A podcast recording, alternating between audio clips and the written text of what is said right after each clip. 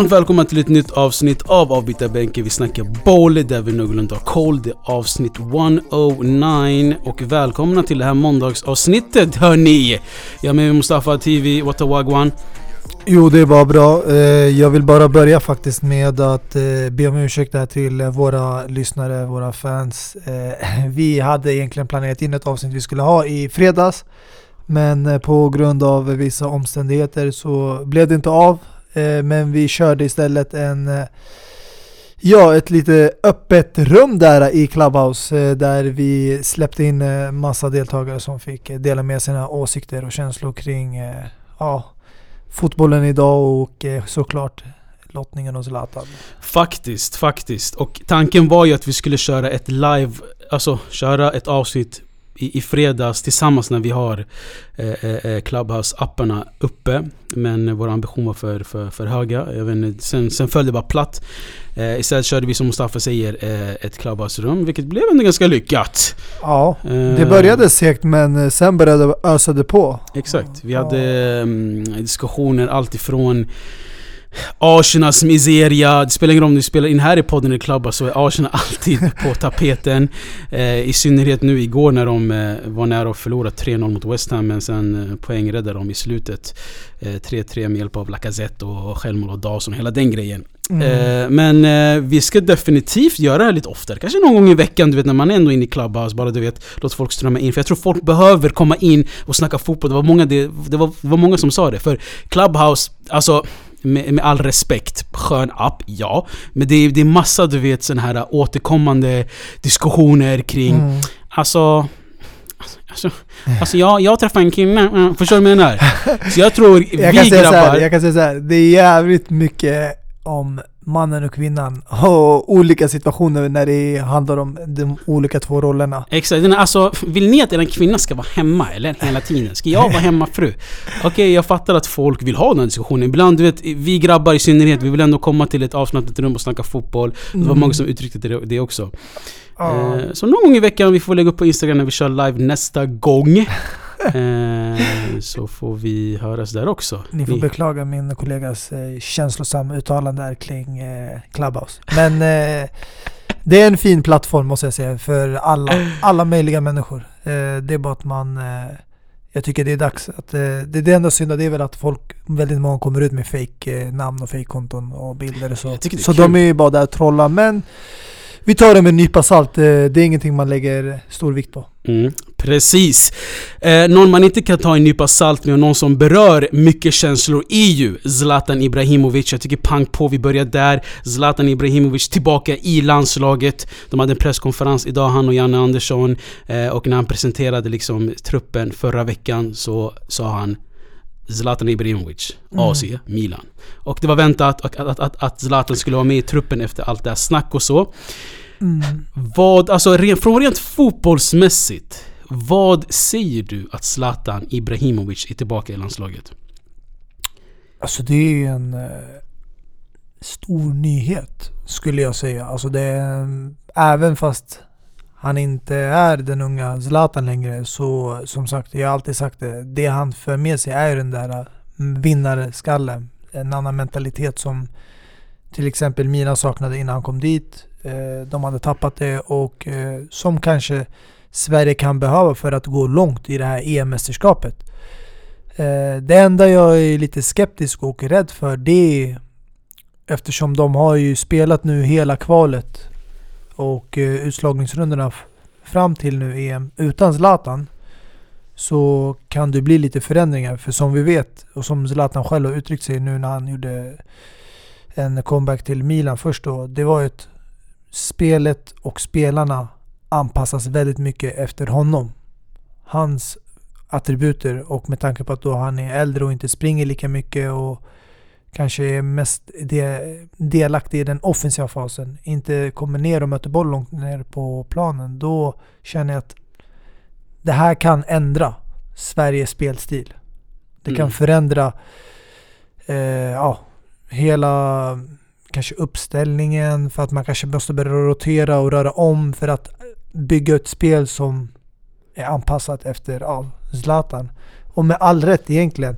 Sen om det är till deras fördel eller nackdel, det vet jag inte. För det har ju varit diskussioner fram och tillbaka huruvida Sverige spelar med eller utan Zlatan. Vissa har ju sagt att det är bättre utan Zlatan för att man lyckades ta sig till sitt Alltså, första VM-mästerskap sedan Mm, 2006. mm, mm, mm. Eh, man missade ju 2010 och 2014. Så det, det, det finns ju argument där som talar emot honom.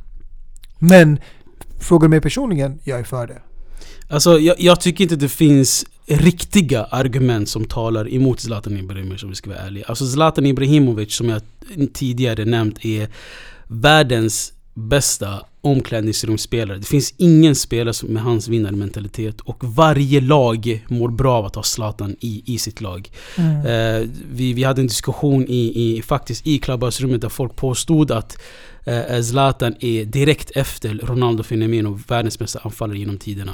Mm. Och grejen är, man yttrar, man yttrar sig inte om sådana saker bara för att det är kul. Förstår du vad jag menar? Det ligger ju en liten sanning i det. Zlatan har presterat i den högsta nivån eh, sen han typ, typ kom till, eh, till Malmö och, och Ajax och Juventus, hela den grejen. Och still going, 39 år. Mm. Eh, det enda som jag kan tänka mig, det är att alltså Zlatans mentalitet Sverige är inte redo för Zlatans mentalitet. Zlatan har en mentalitet som, som, som går emot den gemene svensken. Som går emot, du vet, den vanliga svensk, svensken. Sve, svensken. Jag såg liksom när de gick ut på gatorna och frågade, du vet, de här olika människorna. Ja, Zlatan tillbaka i, i Sverige, hur känns det? Ja, vissa sa bra. Du vet, må, många ungdomar älskade det, men sen frågade man så här vanliga, du vet, eh, eh, eh Svensson, eh, eh, eh 40-åringar Så ah, nej, jag gillar inte det. Nej, laget före jag. Ah, Zlatan tar för mycket plats. Förstår Förstår du vad jag menar? Men det är den här jantelagen.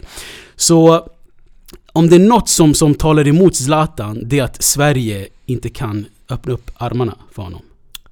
Ja, det, det kan också vara ett argument. Men jag känner ändå att han har ju redan uttalat sig på ett visst sätt. Och de vet ju vad han har för åsikt och värdering kring det här med eh, landslaget och rasismen och hela köret. Så jag tycker nu när man har accepterat honom och tagit tillbaka honom så vet man vad hans ståndpunkt är. Så du kan inte nu förneka det utan nu har du valt att acceptera eh, honom som person, ta med honom i laget och eh, du vet vad han medför. Så nu måste man liksom hitta en lösning och eh, ja, komma på ett sätt att kunna bygga vidare på den här relationen till något positivt och bra. Men det som är lite luddigt också för mig det är att Zlatan själv uttryckte sig om hur Janne eh, är som tränare och vad han har för personlighet och hans filosofi och att han gillar spelare som springer mycket. För han kritiserade honom att till exempel han inte startade med Kulusevski som eh, ja, spelar för Juventus, gjorde en bra säsong Parma och att Janne gillar sådana här hårdkämpade spelare som löper väldigt mycket plan. Zlatan själv är ju inte en sån, det vet vi ju. Men Mm. det är till exempel Dejan Kulusevski som Zlatan själv påpekade. Så det är det som kommer bli intressant, vilken roll han får i laget. Men jag tror rent mentalt så kommer det bli en stor förändring. Eh, det han hämtar med sig i omklädningsrummet, för han kommer kräva så mycket mer av sina medspelare. Och det är det som jag tror kommer lyfta dem eh, som helhet. Mm, ja, alltså grejen är det, det är en del som faller bort också när Zlatan är tillbaka i landslaget. Eh, Jordan Larsson som har varit otrolig fick inte liksom eh, eh, plats i den här truppen. Marcus Berg är kvar. Så jag tror många tror de kommer ställa upp med 4-4-2 of course. Det är Sverige ändå, de kommer inte ändra på den spelstilen. Men Zlatan och Isak där uppe, sen Dejan till höger. Det är Eh, lite alltså Och också eh, synd för Forsberg till vänster. jag känner, ja, Robin Quaison har ändå gjort det mer än bra. Alltså. Och jag tycker han borde ha en roll i landslaget. Men det är som sagt, är, du, du, du märker ju nu när Zlatan kommer in i bilden. Det är ingenting man kan exkludera. Och sen har du Kulusevski som har gjort det mer eller mindre lite bra i Juventus. Emil Forsberg för Leipzig. Eh, du har ja, Robin Quaison och eh, ja, Mm. det kommer finnas fler spelare. Alexander Isak nu som är ju stekhet och förväntas att starta där uppe. Precis, och en intressant grej som Janne sa eh, häromdagen var att han sa liksom att Zlatan idag är inte sån här spelare som behöver komma ner långt ner på plan och hämta boll. Han är en, en, en, en striker. Han är en Mm. targetspelare. Han är där för att liksom eh, suga ut, ut, åt sig bollen och göra mål. Eh, så jag tror Sverige kommer spela på ett helt annorlunda sätt för fem år sedan när han spelade då. Mm. Eh, så det kommer bli fett intressant att se de här VM-kvalsmatcherna när Zlatan spelar mot Kosovo. Absolut, det, det, det säger framåt. För det kommer vara som ett litet smakprov inför EM. Mm, mm. En fråga bara, vill du, vill du ta det här... äh, jag, jag funderar på om vi skulle ta det eller inte, eller om du vill diskutera eller inte. Det här med eh, gudkomplexet och Zlatan och du vet hela den grejen, den här tweeten. Nej, alltså jag vill inte ta det för att eh, ja, vi har varit inne på det här spåret tidigare när han eh, refererar i en intervju eh, när journalisten frågade och han sa att du talar med Gud. Han har refererat sig själv som Gud och sen Mm. eh, har vi haft eh, på ena, den andra sidan av eh, klotet om man säger så, där han Mm. har refererat sig själv till djävulen när han anlände till United Red Devils.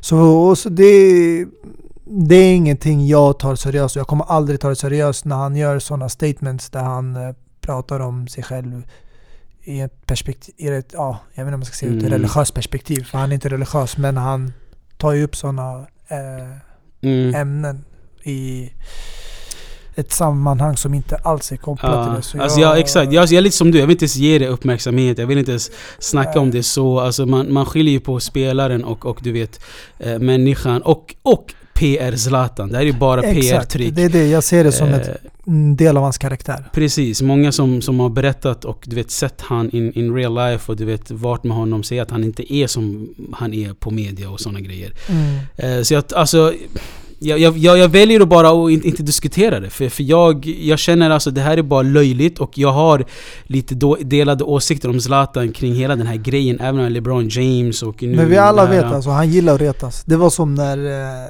man trodde han skulle komma och spela för Bayern. Han upp bara Bayern Mm, på. Instagram. Och då trodde man, okej shit, det kommer det hända. Och då var det att han skulle köpa men inte vill spela. Ja, men alltså Zlatan är sådär. Han sitter i soffan i, i, i, Milano och du vet, har det tråkigt, finns inget på TV och tänker hur, hur ska vi röra om världen? För varje ord, varje bokstav han skriver kommer hela världen se. och så lägger han upp en bild makt. på landslagströjan. Ja, exakt. Bara du vet, bara retas med folk. Mm. Ja, ja, ja. Eh, Men eh, det där måste jag ändå säga, det tricket gick ju hem. För han lyckades få ner Janne till Milano. ja, exakt. Sen är det folk som eh, också, det finns en argument också om att eh, ja, Janne vek sig, Zlatan vann den kampen. Alltså egentligen om man ska tänka efter, alltså hur mycket han förnedrade Janne under de här reklamvideorna. Alltså det värsta, det som var droppen, det var när han gjorde reklam för Samsung och eh, han hade den här Klockan. klockan, alltså Android watch.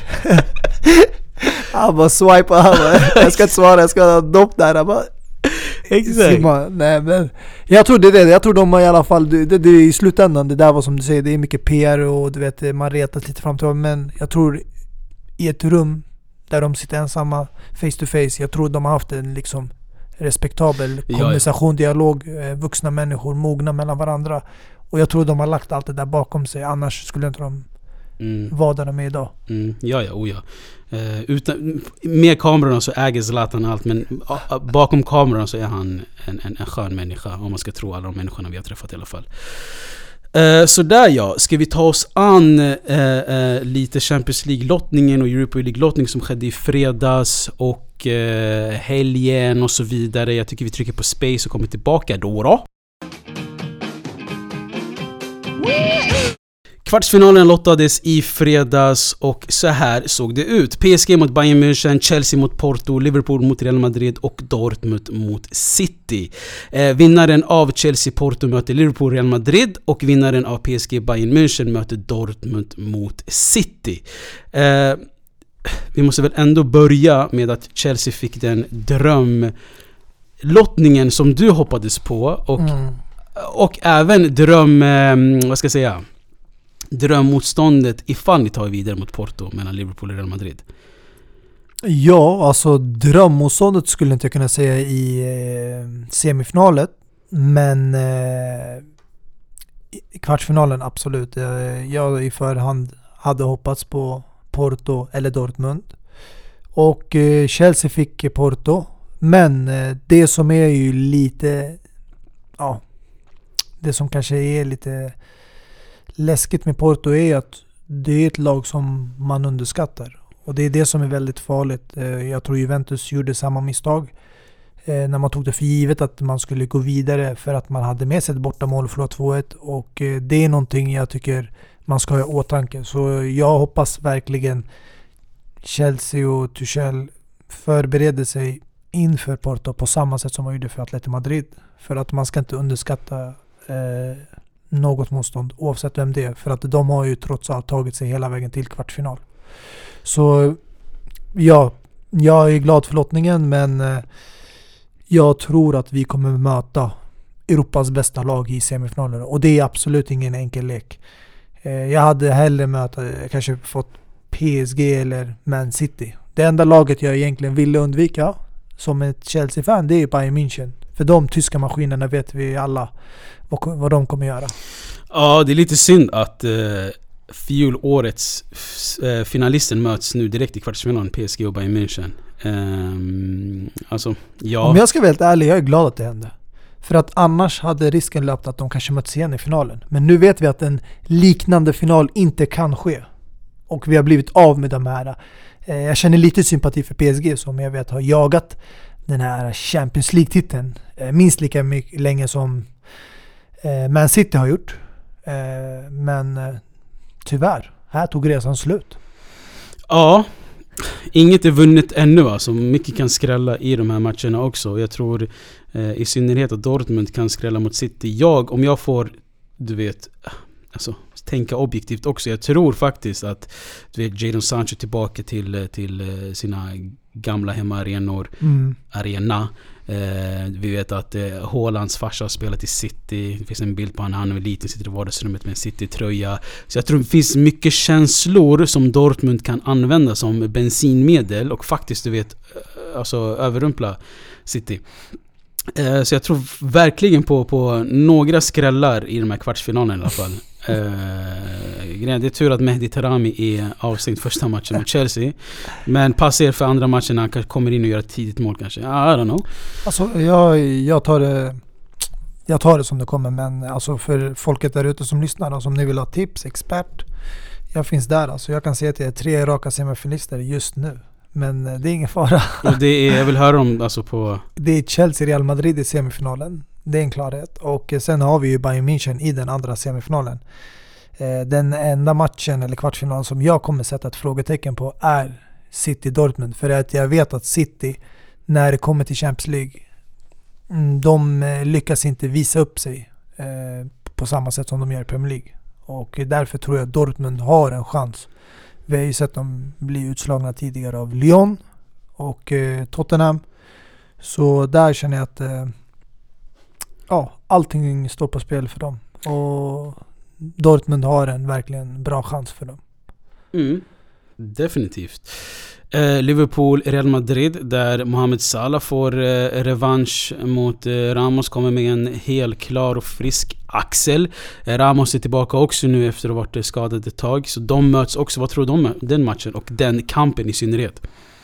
Ja, Real Madrid går vidare. Alltså Liverpool har eh, varit eh, för skakiga den säsongen och eh, det känns inte som att de har hittat balansen med de nyförvärven och sen lider de ju också av en hel del skador. Så där är ju Real Madrid klara. så om, man, om, man, om jag bettade skulle jag bara ta med dig till de här uh, tobaksaffärerna så kunde du kryssa saker åt mig? Ja, självklart. Det är det du säger till mig alltså? Absolut. Mm, ja, nej men uh, grejen är, jag tror Liverpool, som sagt, det är ingen nyhet att deras skador liksom uh, formar dagens Liverpool. Och det är det som kommer sätta käppar i hjulet för dem. Uh, och sen så möter de vinnarna av PSG Bayern München. Eller hur? Nej, Vad det, var det, det är Dortmund City där. Men Do eh, vinnaren av Real och Liverpool kommer ju möta Chelsea Porto. Mm. Så det, det är en skön, exakt, alltså exakt, det är exakt, ändå skön, alltså jag har ju en vän eh, Sakib som är Real-fan så vi hade hoppats på att våra lag skulle kunna mötas i finalen. Men nu får vi mer eller mindre, känns det som att det är förväntat en semifinal där. Mm. Mm. Om man ska tro mina kort. Nej, jag ser på dina ögon att du tror Chelsea kan ta hem det här och jag tycker fortfarande att du ska ha hoppet uppe. Eh, vi alla vet, i Champions League är allt möjligt. Eh, Vi visade det år 2012 och eh, jag känner att nio år senare kan vi visa det igen. Men man ska inte ha, som sagt, för stora förhoppningar. Vi är nöjda med en semifinal. Ja, om man, får, om man får tro du vet de här, du vet alla de här förutsägbara bilderna, du vet när, när de radar upp alla vinnande i Champions League, så, allt, så har det alltid varit Året innan Bayern München har vunnit Champions League så vinner Real Madrid året efter direkt. Det är Bayern, så. Real. Förutom de här tre i raken och hela den grejen. Men år, åren Bayern München har vunnit Champions League så har Real Mm. Madrid vunnit året efter. Det är jobbigt, det är jobbigt. Fan. Men alltså det säger fan mig ingenting. Jag bara säger det, är bara en kul grej att ta upp. Eh, en annan lottning också skedde i fredags, timmen efter Europa League-lottningen. Ganska intressant för mig, kan man tycka. Mm. Eh, Arsenal, Slavia Prag, Granada, Manchester United, Ajax, Roma, Dinamo Zagreb via Real. Alltså vi måste Mm. landa lite i Dinamo Zagreb. Ja. Det är väldigt sjukt alltså för deras tränare där för Dinamo Zagreb tre dagar innan matchen mot eh, Tottenham blev ju arresterad och eh, satt ju i fängelset då. Kunde tyvärr inte då närvara vid matchen och det tillfället och eh, de körde, eh, ja, körde hela matchen då med assisterande tränare utan huvudtränaren och lyckades göra en mirakulös vändning eh, mot Tottenham Spurs eh, med självaste Mourinho i rodret. Och vi alla vet Mourinho som vet hur man ska liksom stänga matcher. Eh, speciellt efter deras hemmavinst eh, när de hade en ledning på 2-0 med sig. Så det kommer som en chock jag tror för allihopa oss. Men samtidigt kan jag förstå lite grann att Dinamo Zagreb-spelarna hade kanske en extra motivation. Att de tänkte på sin tränare som inte var där och eh, spelade extra och bra för, för hans skull då. Ja. Eh, så de har ju självklart gjort honom eh, stolta där från fängelsehålan. Nej, det är, alltså man tror inte att det här är verkligt egentligen.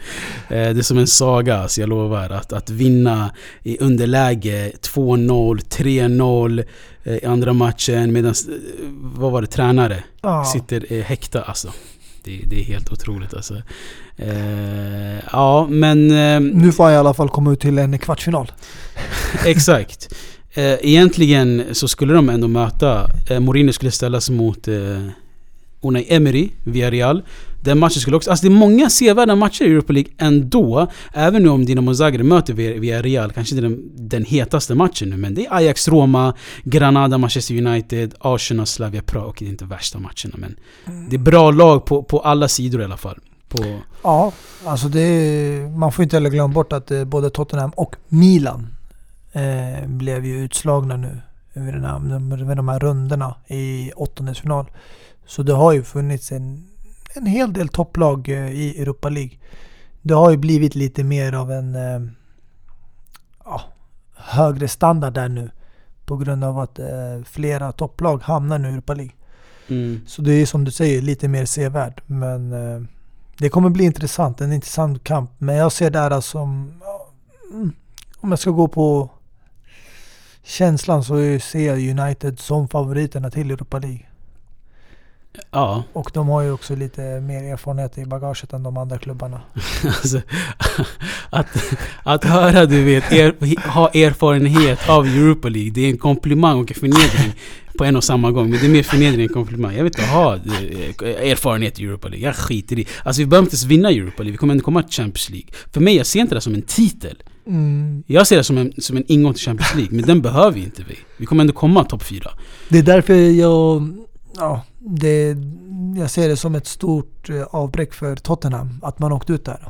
För det här Mm. var ju en av deras större chanser att kvala till Champions League. Eh, De ligger ju utanför topp 4-platsen i ligan så eh, det kommer kanske ge dem nu en extra motivation att gå all in i ligan nu.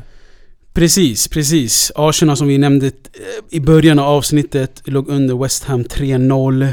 Eh, Mm. Där eh, även än en gång Jesse Lingard. Har ni gjort, vad var det? Jag läste att han gjort typ såhär... Fan var det?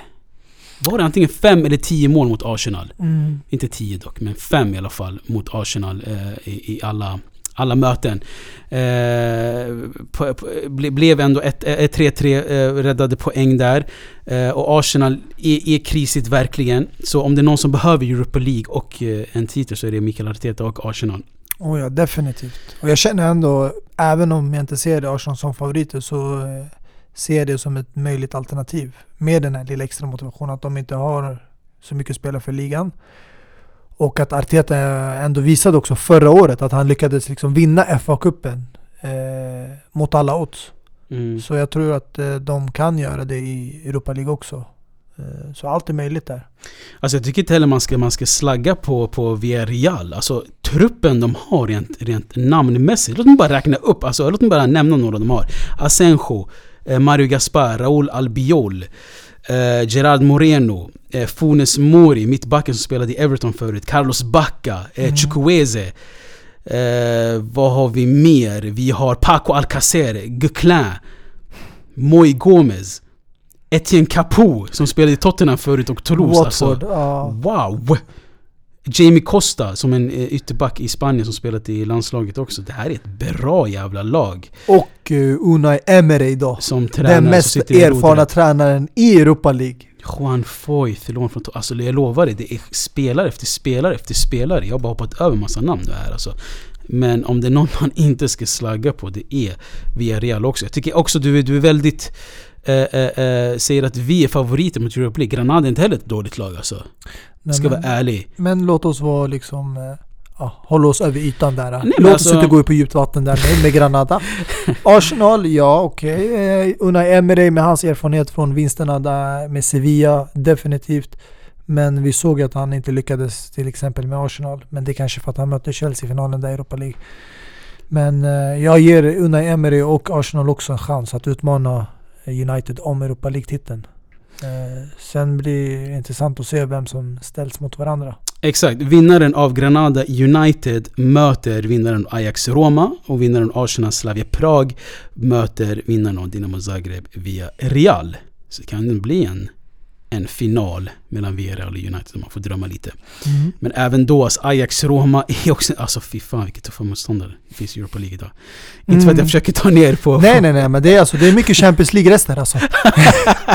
Hur man får höra det heter Ajax, United. Det är de här Champions League kycklingbenen bara, bara Ah. de här resterna, bara ta dem. Exakt. Det är de här vingarna, man bara biter och sliter av dem och kastar dem snabbt. Ja, kolla på han som, som, som lägger ball nu, de är i kvartsfinal va. Det, det, det, det är en härlig, eh, alltså du kan säga att vi är semifinal, det är okej. Jag Mm. tar det, jag, jag bröstar den. Ja, jo. Jag är högmodig av mig själv men eh, jag säger det med självsäkerhet också. Ja, exakt. Ja, vi får se. Eh, jag vill bara säga att Granada har Luis Suarez i truppen också. Verkligen. Mm. Det finns någon som heter Luis Suarez, nummer sju, Jag Känner till colombianen. honom också. Mm. Ja, exakt. Så uh, Luis Suarez, Granada, hela den grejen. Så ta inte United för givet. På tal faktiskt om Luis Suarez, eh, uruguayanen och inte colombianen. Gjorde 500 karriärsmål i helgen. Mm. Det är ändå... Det är en rekord. Han har ju gjort mer mål eh, än eh, Zlatan karriärmål. Mm, Så mm. det är någonting folk inte lägger märke till. Och han har inte haft en lika långvarig karriär. Han kom ju upp lite senare där i Ajax eh, innan han började synas. Men han började verkligen skina i Liverpool. Det var ju där han hamnade i rampljuset och på stora scenen. Precis. Och sen dess har det bara gått uppåt för honom i Barca och nu Atletico. Exakt. Eh, och eh, en annan som nådde milstolpe i helgen var Kylian Mbappé. Som har gjort 100 ligamål. 20 år. 22 år är han väl? 22. Och alla de ligamålen är ju Ja, i 22. franska ligan där, Monaco och PSG. Eh, med respekt till det, men också liksom som du sa. Jag förväntar mig lite mer när han spelar i en toppliga. Så om han kan ha samma målskörd i Premier League, eh, La Liga, så skulle jag bli verkligen, verkligen eh, överraskad och ja, fascinerad av det. Men han är ju ändå trots allt Kylian Mbappé så allt är möjligt. eh, Och jag rankar honom redan idag som en av världens bästa. Så han kan definitivt gå mot att, ja men att bli den alltså, bästa. Tresiffrigt.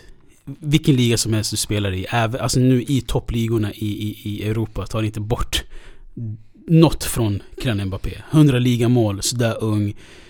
Kanske i Ligue ja, men det är fortfarande en bedrift. Otrolig bedrift. Ja. Eh, hur som helst, jag tycker... Eh, alltså jag, alltså, vi, vi ska inte vara så långdragna det här avsnittet heller, så jag tycker vi, vi, vi tar upp det mest händelserika som har hänt i helgen också. Eh, eh, Serie A, där Juventus förlorade mot Benevento, eh, Mm. 0-1. Eh, och sen var det en stekhet match, jätteunderhållande då. Eh, 18.00, igår spelades Fiorentina eh, AC Milan samtidigt som United eh, fick stryk mot Leicester, eh, 3-1. Eh, såg du förresten eh, Fred, eh, alla de här glåporden och rasistiska grejerna han fick utstå också? Nej, men jag såg när han blev utbytt. Det var lite frustration där. Ja, ja, ja han är ju en otrolig tabbe. Och eh, även studion, Bojan, hade, höll inte eh, emot orden heller mot, mot Fred. Hur som helst, så jag, jag, jag ska vara ärlig, jag satte på Fiorentina Milan eh, och hoppades på att Fiorentina skulle ta hem det här. Och jag ska vara ärlig, det var inte på ett rättvist sätt som Milan vann ändå heller. Alltså första Zlatans mål, det var lite stångande, det var lite kasta bort försvararen, det var lite så här, du vet. Men det är så oftast med Zlatan. Det är bara att när det, när det kommer mot ens eget favoritlag, eller ett lag som man gillar, då känner man av det. Att man eh, inte känner att... Ja, man får den där känslan att det är inte rättvist. Det, det, man får, det går emot en. Men oftast Zlatan med hans fysik och storlek, när han går upp i luftrummet, han är så. Han stångas, han klättrar på spelare.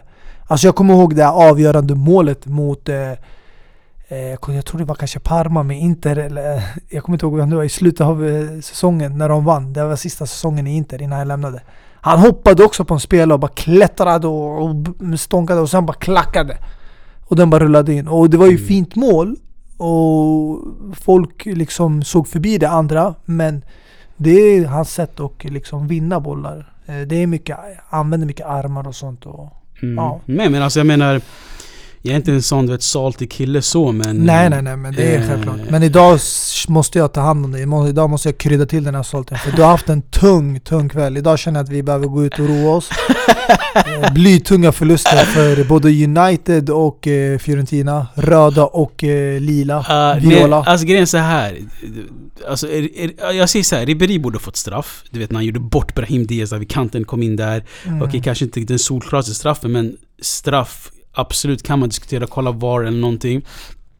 Och sen tycker jag också att Dalot hade en skitvidrig match. Eh, kunde inte komma förbi. Eh, eh, eh, alltså han hade inte sin, sin kant överhuvudtaget. Mm. Erik Pulgar som gjorde det där frisparksmålet också, otroligt fint. Visade liksom vem som är den kanske riktiga nummer sjuan. Eh, För att när han kom till Fiorentina så bar han nummer sju. Men så kom Rebri, gav han sjuan så fick han ta nummer 78. Men otroligt fint fris, eh, frisparksmål och sen Ribéry gjorde också värsta målet. Och sen avgjorde väl Hakan Çalhanoğlu eh, eh, med 3-2 målet innan Brahim Diaz också gjorde målet. Mm. Eh, och även alltså, jag vill också eh, påpeka att eh, Dusan Vlahovic har en otrolig eh, eh, period de senaste matcherna. Gjorde ju hattrick mot Benevento, äkta hattrick. Och det har inte hänt sen Kurre Hamrin faktiskt. 1969 vill jag säga utan att kolla upp någonting. Kan ha fel, men någonstans där.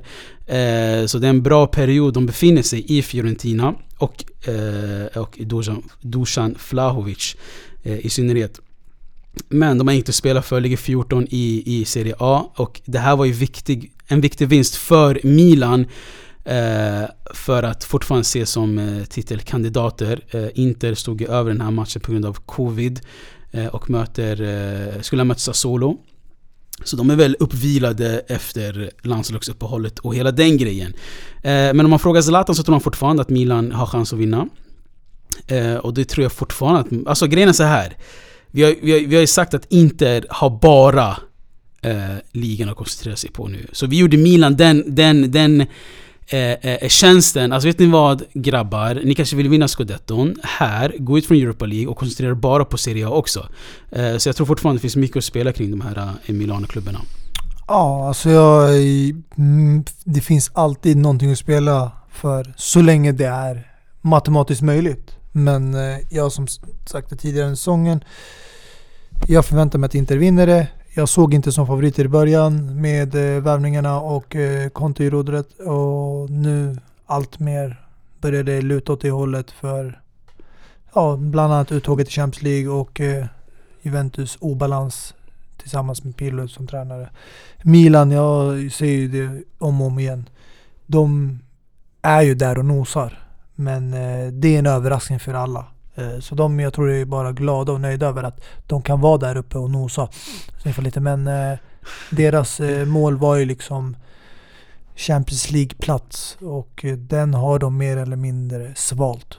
Mm, precis, det finns ju två grejer och liksom se fram emot. Det är två tävlingar. Det är, det är de här Europa League-platserna och eh, Scudetto-racet. Eh, där faktiskt Roma-Napoli möttes igår och var på samma poäng, 50-50. Eh, innan Napoli drog iväg två mål, Dries Mertens. Och även här fick han, gjorde han något ett nytt rekord också, Dries Mertens. Den första belgaren att komma upp till 100 mål i Serie A. Mm. Tror du Lukaku slår den snart? Eh, ja, alltså det beror ju på också hur länge han stannar kvar i Inter. Men eh, ja, han är ju en väl eh, större målspurt än Dries Mertens. Ja, ja. ja, alltså det Mertens har ju inte alltid varit start när han kom till Napoli. Sen blev han start och nu har han hamnat utanför elvan igen. Men jag tror definitivt Lukaku kan slå den. Det är inte omöjligt. Mm. Precis. Eh, Spanien då, vi måste, ju, vi måste ju snacka om den här utklassningen som Barca eh, hade mot Real Sociedad. Jag trodde det skulle bli en skön och du vet intensiv match. Vi såg att Isak hade en, ett bra läge när han vek in och, och sköt mitt på mål. Mm. Eh, men till slut så lossnade allt för, för Barca och Messi i synnerhet. 6-1. Alltså det här var ju, man bara va? Är det här 2012? Barca tiki-taka? För det här målet, jag tror det var sista målet som Messi gjorde där hela laget var med och du vet, bidrog. Pedri var där, gjorde en, två touch. Och sen Jordi Alba till Messi och sen mål. Alltså det var Barca i sina gamla forna dagar. Sen vet jag inte om det var just den här matchen de hade bra. Mm. Men... Eh, alltså jag ser det mer som ett klassiskt tecken på eh, när man tar ut sin ilska och aggression efter ett Champions League-uttåg. eh, så det är självklart, eh, man tröstar sig med den här vinsten. Men det enda som spelar egentligen roll är ju tre de tre poängen som de fick med sig. Så mål, eh, antal målet och den eh, siffran har ju ingen större betydelse. Mm, alltså tränaren i Sociedad, uh, Alguacil, sa ju till Koman efter matchen, han bara alltså, om ni spelar så här så kommer ni vinna ligan. Mm. det var ändå fina ord av, mm. av uh, sin tränarkollega av Koman. men Atletico Madrid är tre, eh, vad blir det, fyra poäng före eh, Barcelona och eh, sex poäng före Real Madrid. Så det är fortfarande ett försprång. Men det är, det är en förlust och en kryss och är Barca där liksom. Mm. Och vi vet att Atletico Madrid kan kryssa mot Celta Vigo. Kan du vet förlora mot eh, vilket lag som helst. Så ingenting vunnet där heller. Eh, England tog paus från ligaspel, de flesta lagen i alla fall. Eh, där det spelades cupmatcher. Och som vi var inne på så fick United eh, stor stryk mot Leicester. Och alltså det är ju ännu mer ont när den, den spelaren du gillar mest i motståndarlaget promenerar in och gör mål. Eh, Juri Tillemans. Mm. Eh, Iheanacho var också helt otrolig. Eh, Jamie Vardy. Så det, det är tufft. Och grejen är, så fina siffror som Solskär har. Alltså åt, av åtta möjliga knockout stages har han kommit till alla åtta möjliga. Så en titel skulle inte skada för Ole Gunnar Solskjaer för att visa ett kvitto liksom. Okej, okay, vi, vi, är på väg, vi är på väg någonstans. Mm. Men men, Europa League kanske är kvittot vi, vi behöver. Ja, uh. för att uh, Solskjaer ska behålla jobbet känner jag också. Behålla jobbet kommer han ändå göra. Alltså. Det är inte det jag menar. Jag menar mm. bara du vet, du vet när, du, när, när, när du sår dina frön du vill ju liksom säga okej, okay, det går bra nu. Mm. Det här äpplet, mm. det är jag som har sått det. Just nu, det har bara kommit ut en rutten frukt. det är, det är att man förväntar sig något, något moget äpple eller någonting, allting bara kommer ut ruttet. Det är bara, man, man känner sig lurad. Den frustrationen är jobbig. Att bara komma ut där på trädgården och bara Vart är de här jävla fan äpplena som skulle växa? Bara allting kommer ut. Men det är skitsamma, vi, vi får vänta till nästa säsong istället. Och börja eh, odla igen. På nytt. Ja, precis. Men på tal om tränare, på tal om nya tränare, jag vill eh, innan vi avslutar. Eh, nya tränare för Borussia Mönchengladbach, Xabi Alonso. Oj, oj, oj. Kommer det som en chock, eller? Det kommer lite som en chock för att eh, han har inte coachat liksom en annan liksom populärklubb eller en, en eh, namnvärdig klubb skulle jag säga. Men eh, alltså när jag tänker på Xabi Alonso, jag tänker på Mastermind. Eh, alltså han är så klassisk och ja. Jag, jag gillar den där spelaren, jag gillar karaktären, personligheten. Eh, jag ser fram emot att se honom coacha. Eh, det kommer förmodligen få mig att ha ögonen mer nu på tyska ligan och Mönchengladbach. Mm. Och vi får inte glömma heller, de har ju ett gäng fina spelare där. Eh, slog ju ut bland annat eh, Shakhtar och Inter i gruppspel, tog sig vidare där eh, och gör det ganska bra i ligan. Ja, nej men grejen är alltså du, du, du går ju på den här klassiska fällan att Xabi Alonso, klassisk, skön, elegant mittfältare, du vet, jättefin och bara därför ska han vara en jättebra tränare. Bush säger jag. Vi ser Mikael Arteta och vi ser hur det går för han i Arsenal. Skillnaden här är att han kommer träna Borussia Mönchengladbach som är mm. Alltså har, har mindre press och ett mindre lag än Arsenal. Och det är därför jag tror det var ett smart val. Alltså, när du tänker på Pirlo som tog Juventus, Lampard, Chelsea, Arteta, Solskjaer United. De har ju hela tiden nu ögonen på sig för de coachade toppklubbar, eller coachar idag. Så jag tror Xabi Alonso kommer få lite mer andrum. Mm, och det kan han behöva.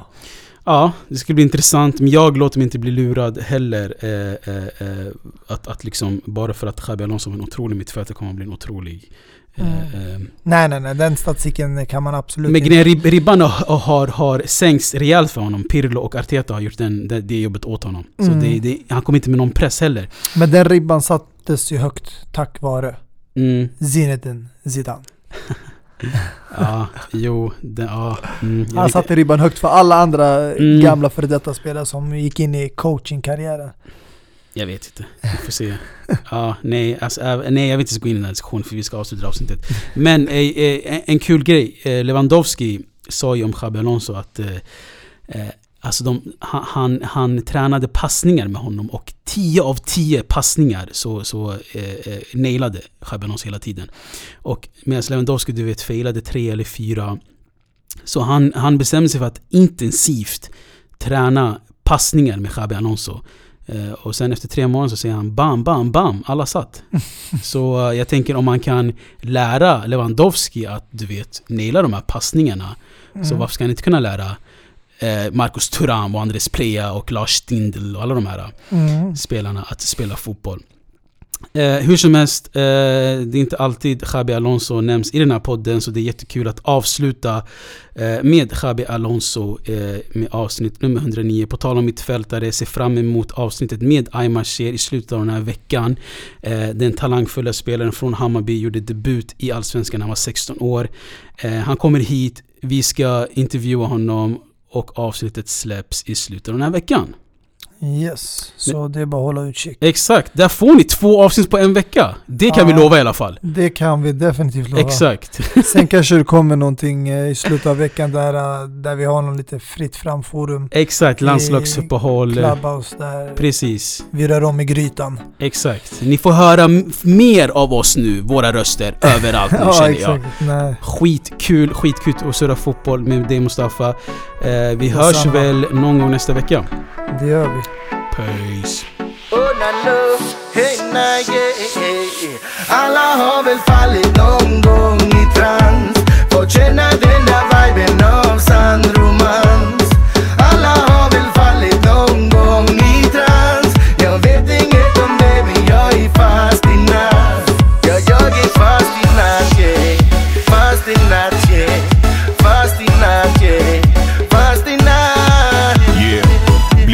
Möttes, vi fick kontakt. Mitt bland alla människor en sommarnatt. Det var någonting där som drog i mig. Ett smile, några ord och jag dog för dig. Vi pratade i timmar om allt och tog ett nattdopp även fast det var kallt. Stranden var tom så vi la oss ett tag. Drack några glas och såg natten bli dag. På väg upp så blir solen orange och våra hjärtslag hamnar i trans. Innan vi landade så tog hon min hand Gav mig en kyss och bara log och försvann Alla har väl fallit någon gång i trans. Fått känna den